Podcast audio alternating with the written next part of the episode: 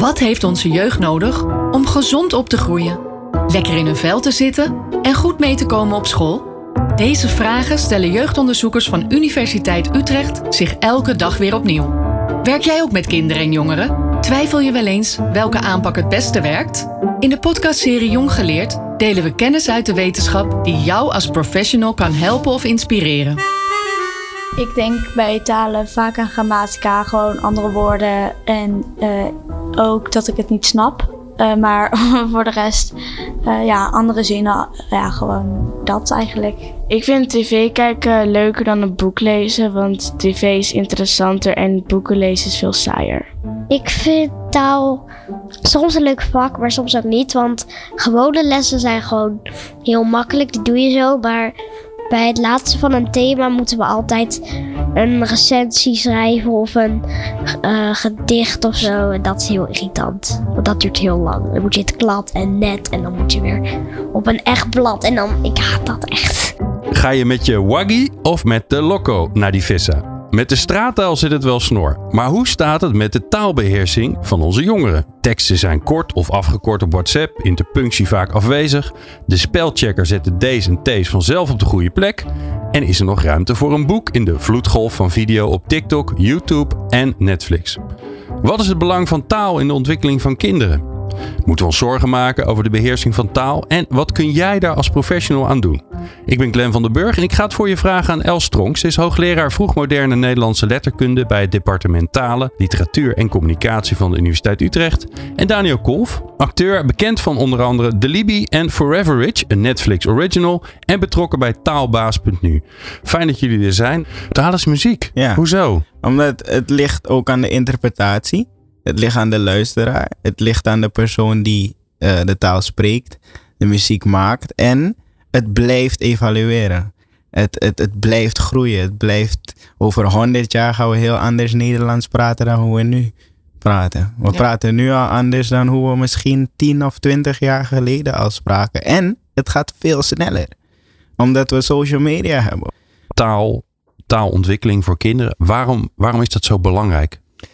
Nou, ik denk het is belangrijk om wat Daniel net zegt. Het is je belangrijkste expressiemiddel, je belangrijkste manier om contact te leggen met anderen. En waarom wij het er speciaal over hebben, ook in het kader van Taalbaas Nu, is omdat dat taalgebruik met name van jongeren in Nederland vaak met heel zorgelijke, hm. wat ja, oudere blik wordt bekeken. Het zou niet goed genoeg zijn, het zou uh, achterblijven in de zin dat er veel fouten worden gemaakt. En daarmee zadel je jongeren eigenlijk met een probleem op. En ontken je eigenlijk dat jongeren ook een plek hebben in de taal zoals die in de toekomst gesproken gaat worden en ook nu. En ook heel veel potentie hebben vanuit wat zij zelf weer interessant vinden om aan die taal nieuwe dingen toe te voegen. Ja, dus we kijken nu eigenlijk veel naar taal bij jongeren, bij kinderen, naar doen ze het goed of doen ze het niet goed? Uh, Staan de deze en deze op de goede plekken? Precies, de hoest met de zinsopbouw, de punten, de komma's. Dyslexie. En dat is natuurlijk allemaal niet onbelangrijk. En het is ook belangrijk om kinderen daarmee te helpen. Maar daarmee sneeuwt eigenlijk onder dat er ook zoveel heel goed gaat. En um, ik vind dat je het ook belangrijk moet zijn dat in het onderwijs zichtbaar wordt van dat wordt ook aangeleerd en gestimuleerd en gewaardeerd. En dat zouden we iets meer terug moeten brengen, denk ik.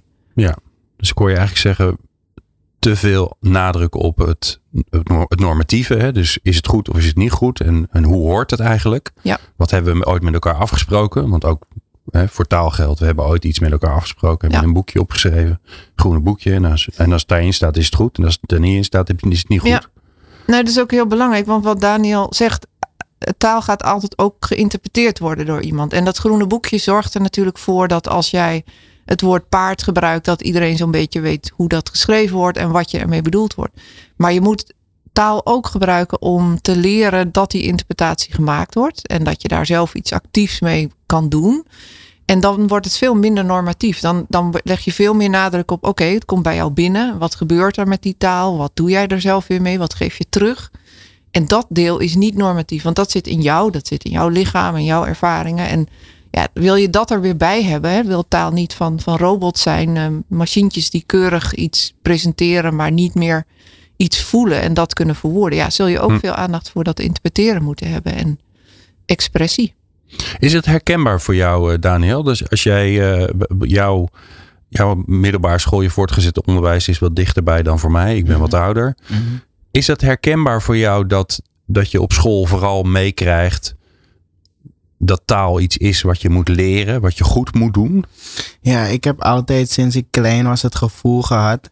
En ik ga nu het voorbeeld van taal nemen, want ik kan het voorbeeld geven over alle vakken die ik op school heb gehad. Maar ik had het gevoel dat de taal zich veel sneller evalueerde dan de systemen op school konden beheersen. Ze konden eh, studenten niet, ehm, ze konden niet levelen met ons. Onze leerkrachten zijn veel ouder dan ons. Onze, sommige leerkrachten hier komen van een totaal andere cultuur. Ehm, en ja, dan ligt de verantwoordelijkheid misschien bij het onderwijs.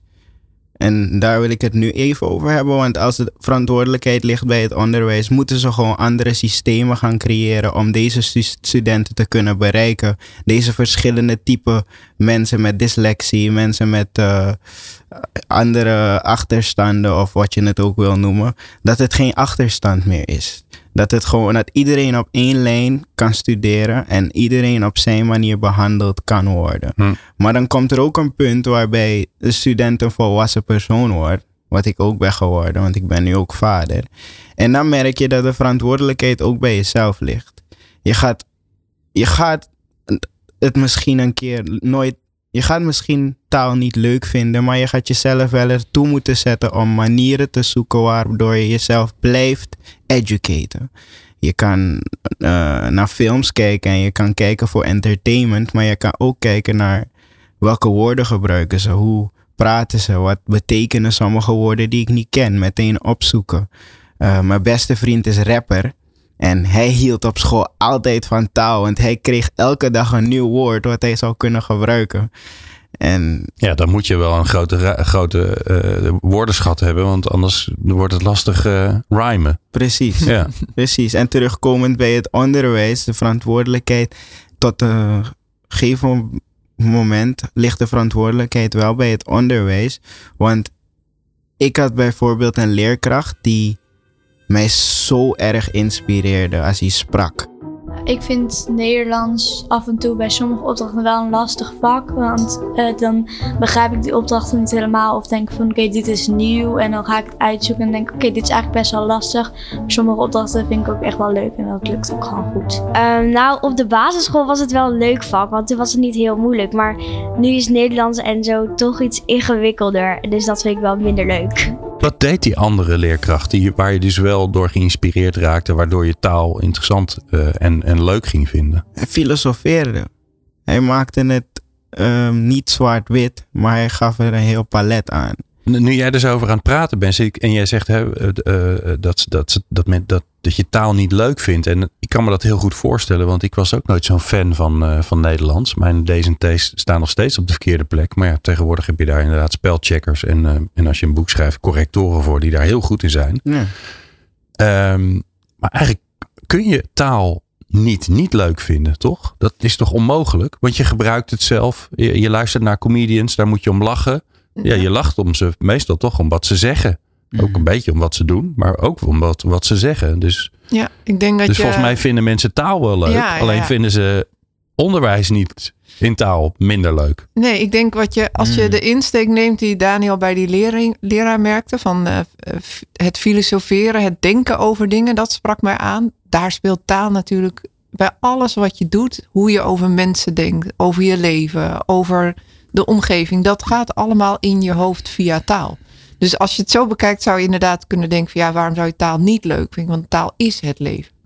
Els, wordt daar nou onderzoek naar gedaan? Naar hoe, ehm, eh, hoe jongeren, hoe kinderen aankijken tegen, tegen de manier waarop er taal, de, hoe, ze, hoe ze taal wordt aangeleerd? ik moet zeggen dat wij met dit project taalbaas.nu en ook met de schrijfacademie.nl begonnen zijn omdat er een enquête was van scholieren.com. In 2018 er waren al langer zorgen over het schoolvak Nederlands. Dat het saai is en ja, heel veel mensen niet blij maakt, leerlingen ook.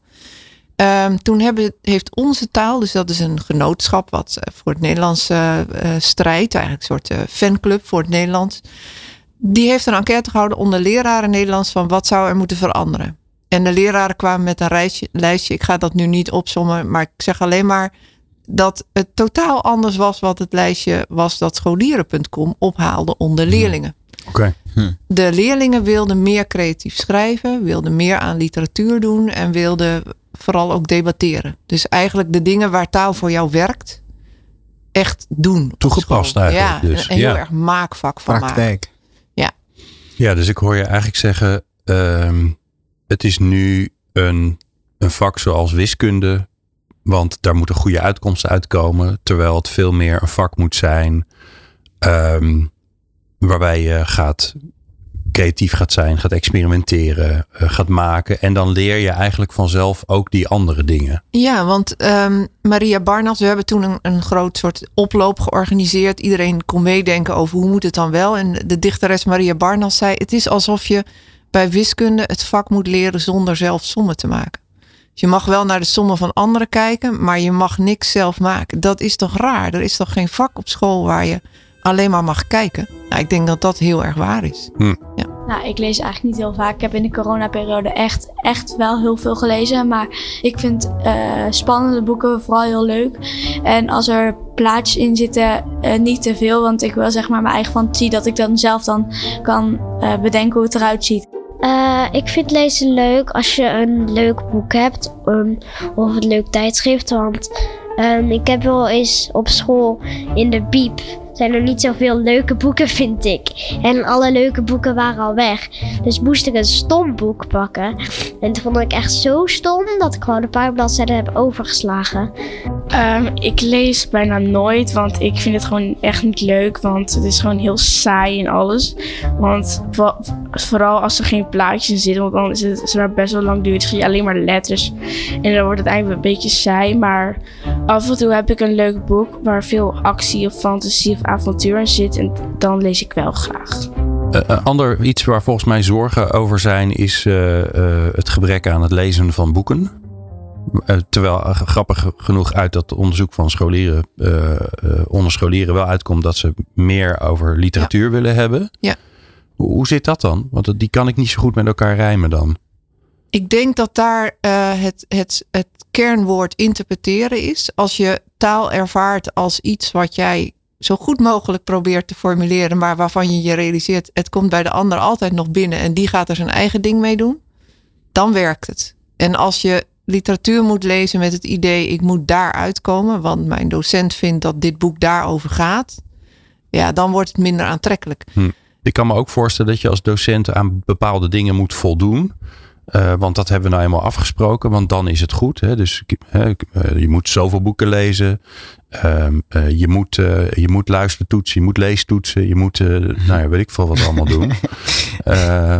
Ja, dan kun je het als docent wel anders willen. Hè? Dan kun je Ja. misschien wel de, die onwijs leuke docent zijn die Daniel ook heeft gehad. Maar ja, als je in dat keurslijf geduwd wordt, dat werkt natuurlijk ook niet. dat weten we ook wel uit onderzoek. Dat wat je nu op dit moment voor het, het examen lezen moet doen. Dus voor het landelijk examen lezen. Ongeacht of je nu op HAVO, VWO of eh, VMBO zit. Wat je daar specifiek moet leren kun je in ongeveer zes lessen aangeleerd krijgen. En dus laten we zeggen dat een leraar daar drie maanden mee bezig is. Maximaal. En dan weet iedereen over signaalwoorden. En wat er in, in kernzinnen van alinea's. Dat is Eh, te oh, leren. eh, even, oh, wacht, even Ja. terug. Zodat ik dit, want dit, komt, dit moet ik nog een keer horen Ja, om het ja, binnen te laten komen. Nou dus waar je zes jaar over doet, kun je in drie maanden leren. Ja, we weten dat, het, dat, dat dat leereffect niet groter wordt als je het langer oefent op die manier. Dus dat geeft natuurlijk enorm veel ruimte om langs andere wegen precies hetzelfde aan te leren. En waarschijnlijk nog een beetje meer ook. En dat, dat weten we dan eigenlijk ook wel vrij zeker van individuele docenten die het aandurven. Want ik denk dat er zitten hier heel veel goede bedoelingen achter. Als je denkt van iedereen moet gelijke kansen hebben om in dat normatieve mee te doen. Stel, je normatief is ook een goede sollicitatiebrief schrijven of omhoog komen in de wereld met je taal.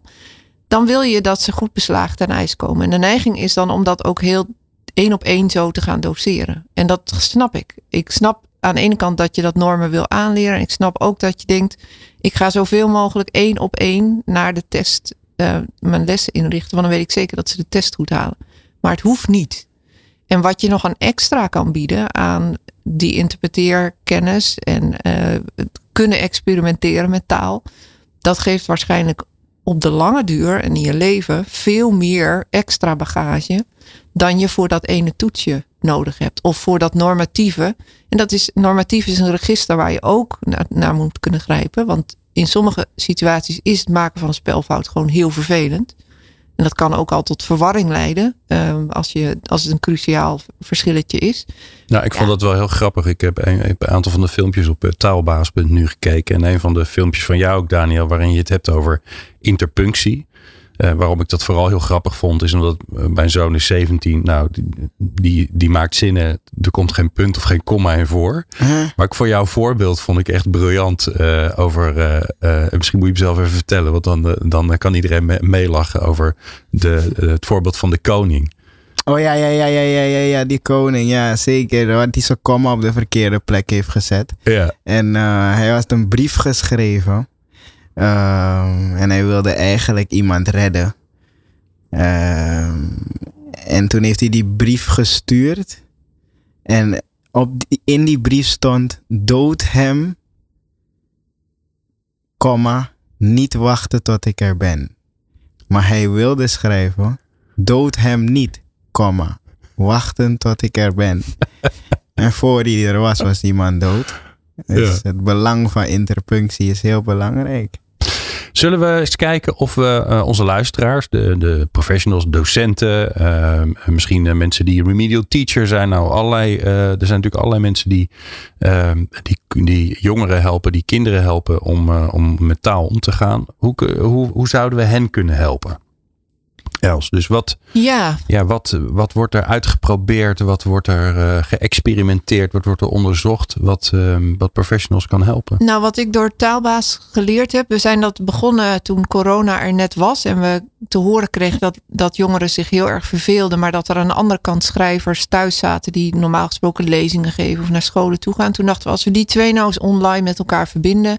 Jongeren kunnen praten over waar ze mee zitten. En de schrijvers en acteurs kunnen misschien zien van kijk, ik heb dat sowieso toen opgelost.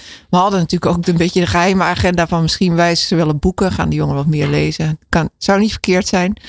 Um, maar wat ik toen heel erg leerde van iemand die zelf taalvrijwilliger was bij het Utrechtse Taal Doen Meer. Er zijn dus heel veel van die organisaties die jongeren helpen die, die uh, ja, een beleefde achterstand hebben. Dus iets ervaren wat zelf een achterstand uh, voelt die uh, vrijwilliger die vertelde me dat ze een Syrische jongen van 15 jaar onder hun hoede hadden.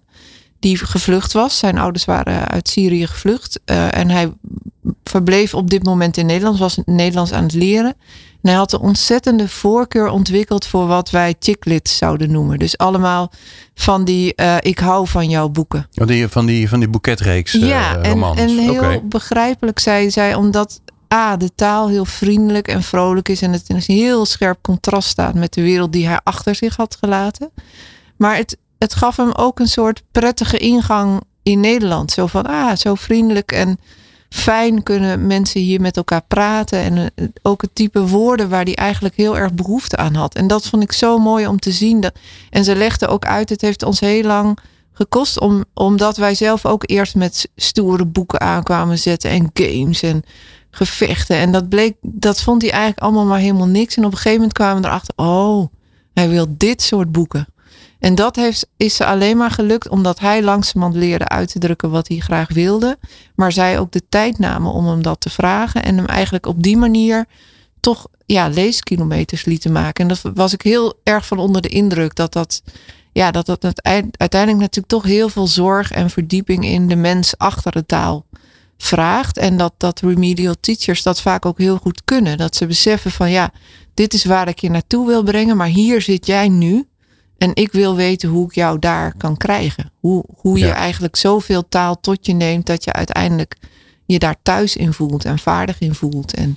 Maar kon je dus ook zeggen, eigenlijk is het per kind, per jongere is het anders. Ik denk het wel. Want dat is in wel dat, ingewikkeld, want we hebben best veel jongeren. Ja, maar we hebben in dat taalbaas, dat eerste project hadden we ook uh, leesconsulenten van bibliotheken waar je aan kon vragen van uh, wat, wat zou ik moeten lezen. Daar kwamen we ook al snel achter, die waren heel populair.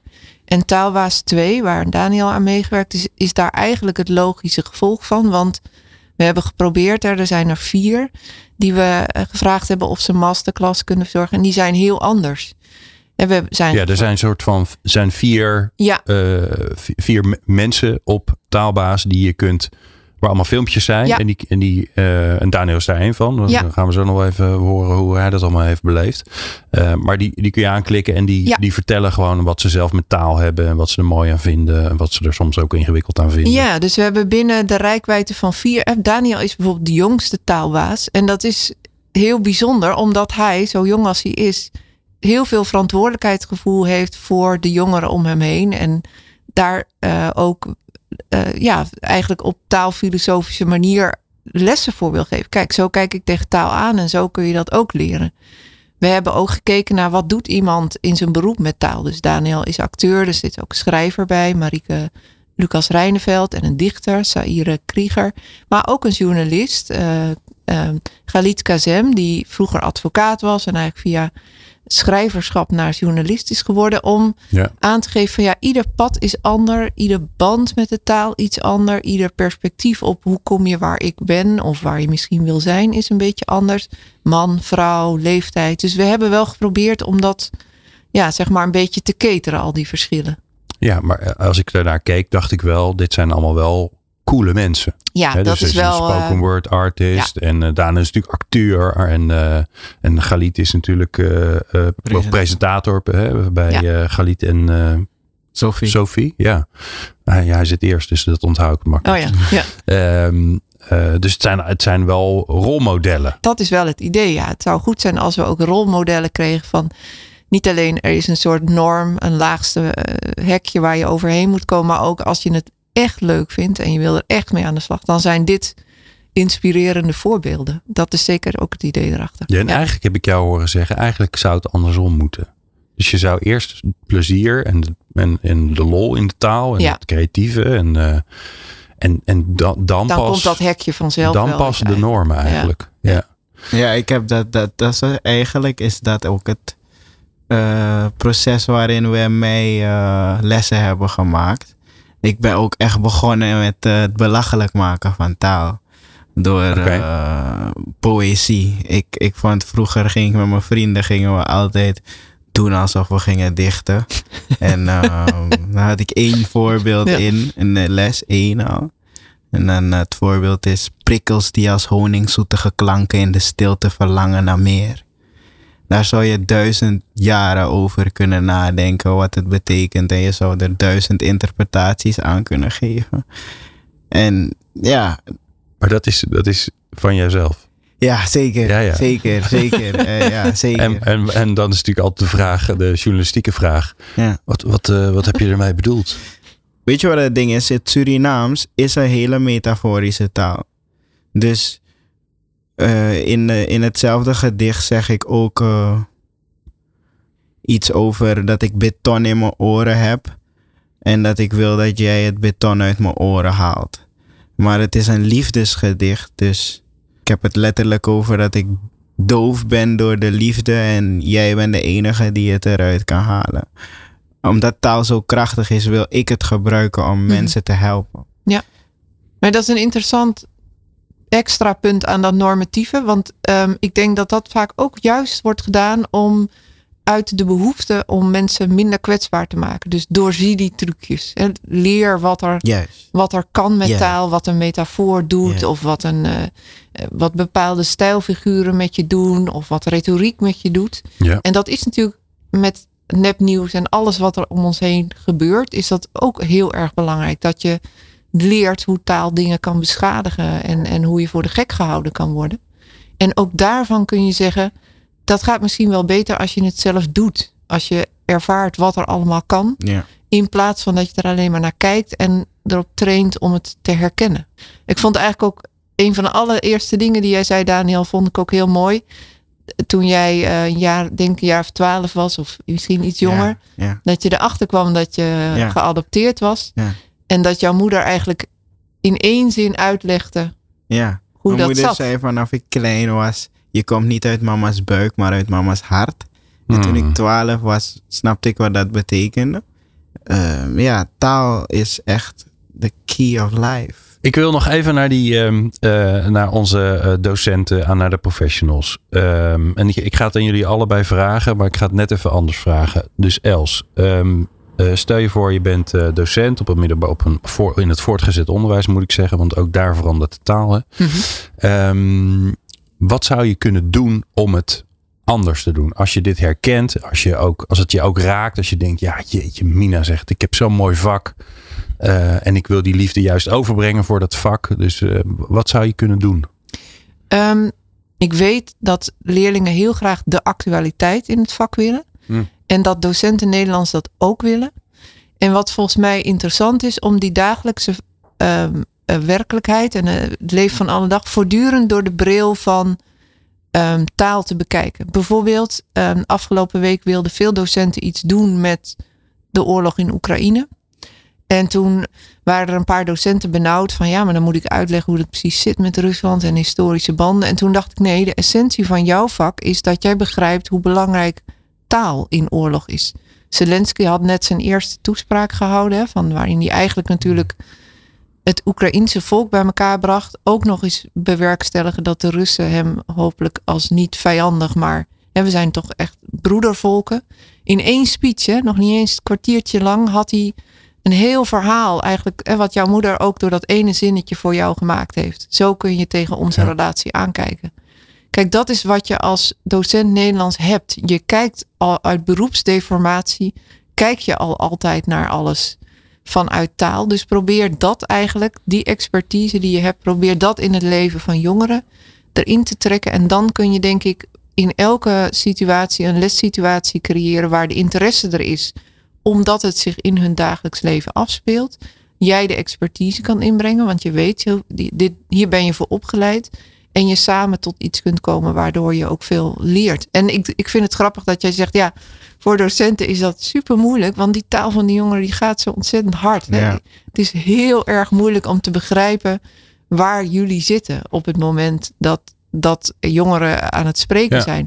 Dus ik kan me ook voorstellen dat het ook voor de docent veel vraagt. En dat er misschien af en toe ook dingen door de klas gaan waarvan je denkt, ja, dit is eigenlijk niet het type taal of misschien de type discussie of eh, type argumenten. Maar ja, dat is wel waar iedereen zit op dat moment. En Nou, dat dat is wel leuk om dat aan Daniel te vragen. Dus stel je voor, Daniel, ik ben docent. Ik heb volgende week eh, moet ik weer Nederlands geven. Ik heb deze podcast geluisterd.